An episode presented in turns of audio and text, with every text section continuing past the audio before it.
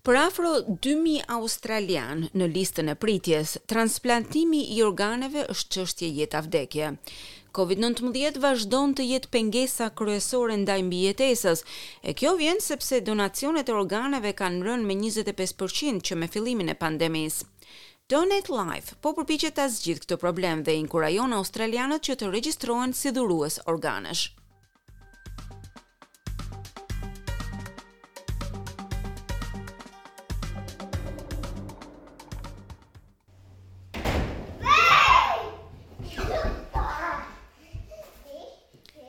Kur Trent Jones kthehet në shtëpi nga puna, vajzat e tij binjake, nëntë vjeçare, Vivian dhe Sunny, janë gjithmonë të lumtura që më në fund ai kthehet në shtëpi.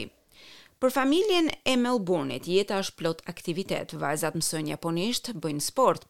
Sunny dhe Vivian nuk ndahen nga njëra-tjetra. Jeta si foshnja nuk ishte e lehtë për to. The weeks after we got back home I was like she does look a bit different you know she's she's yellower just you know grumpier skinnier just not happy. Gjatë javës së parë në shtëpi ajo u duk pak më ndryshe, dukej më e zverdhur, më e dobët, grindej më shumë, të paktën në krahasim me binjaken Vivian. Në moshën gjashtë javëshe, Sani u diagnostikua me një sëmundje të rrallë të mëlçisë. Trent dhe gruas së tij, Minak, iu tha se ajo kishte nevojë për një transplant për të mbijetuar.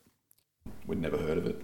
You know, you start learning, Doctor Google and talking to people and, yeah, biliary atresia. Nuk kishim dëgjuar asnjëherë për këtë lloj sëmundje dhe më pas fillon që të shikosh tek Doctor Google, të flasësh me njerëzit, e natyrisht mësuam se ajo vuante nga një sëmundje e quajtur atresia biliare.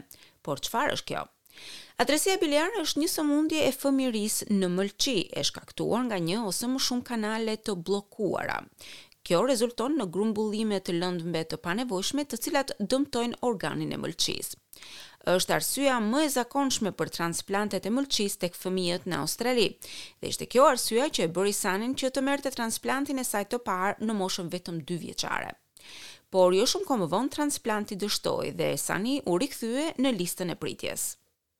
The first time around something where there was time to maybe manage it and we'll find the exact perfect moment, the exact perfect donor and and and line up all the ducks. Herën e parë menduam se kishim kohë që ta menaxhonim, të gjenim momentin e saktë, momentin e përsosur, dhuruesin e saktë të përsosur, por ky nuk ishte opsioni i duhur. Tre javë përpara ditëlindjes së saj të tretë, u hap mundësia e duhur. Thankfully for us, um, yeah, there was another option in that three week period, so that really uh, Fatmirësisht për ne patëm një mundësi tjetër gjatë asaj periudhe trejavore dhe me të vërtetë shpëtuam. E kjo tani mbetet një histori suksesi për Sanin, e cila vazhdon të jetë në listën e pritjes për një transplant. Mungesa e stafit, një numër i lartë i pacientëve me Covid nëntëmbëdhjetë kanë prekur të gjithë sektorët e kujdesit shëndetësor. Specialisti intensiv i spitalit të Liverpool, mjeku Ramanathan Lakshmanan, thotë se ndikimi kryesor ka qenë tek dhurimi i organeve, e kjo ka ardhur për shkak të kufizimeve dhe karantinës.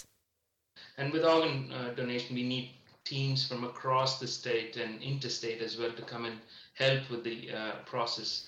Kur vjen çështja tek dhurimi i organeve, kemi nevojë për ekipe të veçanta, të cilat shpeshherë vijnë nga shteti ose nga shtetet e tjera dhe ata ndihmojnë me procesin, gjë që është shumë e vështirë në momentin që ka kufizime të udhëtimeve ndërmjet shteteve. Gjatë dy viteve të fundit, dhurimi i organeve në Australi ka rënë me njëzet e pesë për qind, e numri i personave që marrin transplante ka rënë me nëntëmbëdhjetë për qind. Profesoresha Helen Opdam, drejtoresha kombëtare e Autoritetit të Transplantit të Organeve, thotë se ky është një moment shumë i rëndësishëm.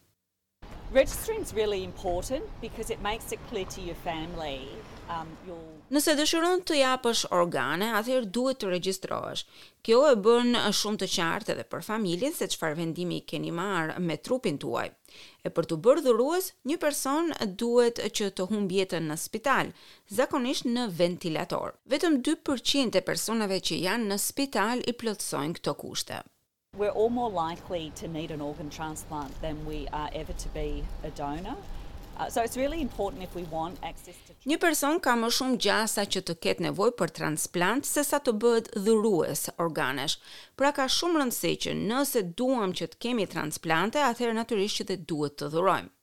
Të kesh një person të afërt në listën e pritjes për transplant të organeve është një ndjenjë e njohur për njëzet e një vjeçarin Ikram Ahmed. Vëllai i tij i vogël vuan nga veshkat dhe iu desh të priste katër vite përpara se të merrte transplantin që i ndryshoi jetën.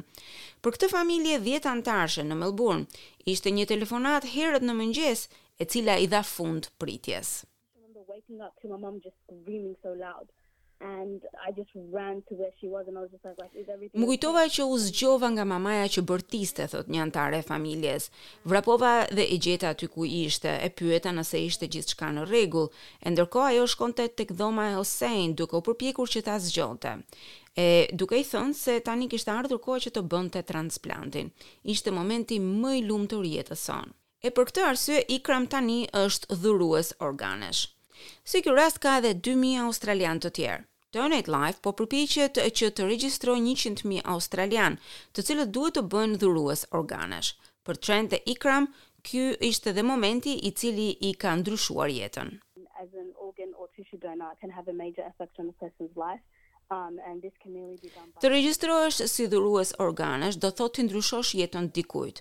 Ishte ky person që dhuroi organet e tij që i ndryshoi jetën vëllait tim.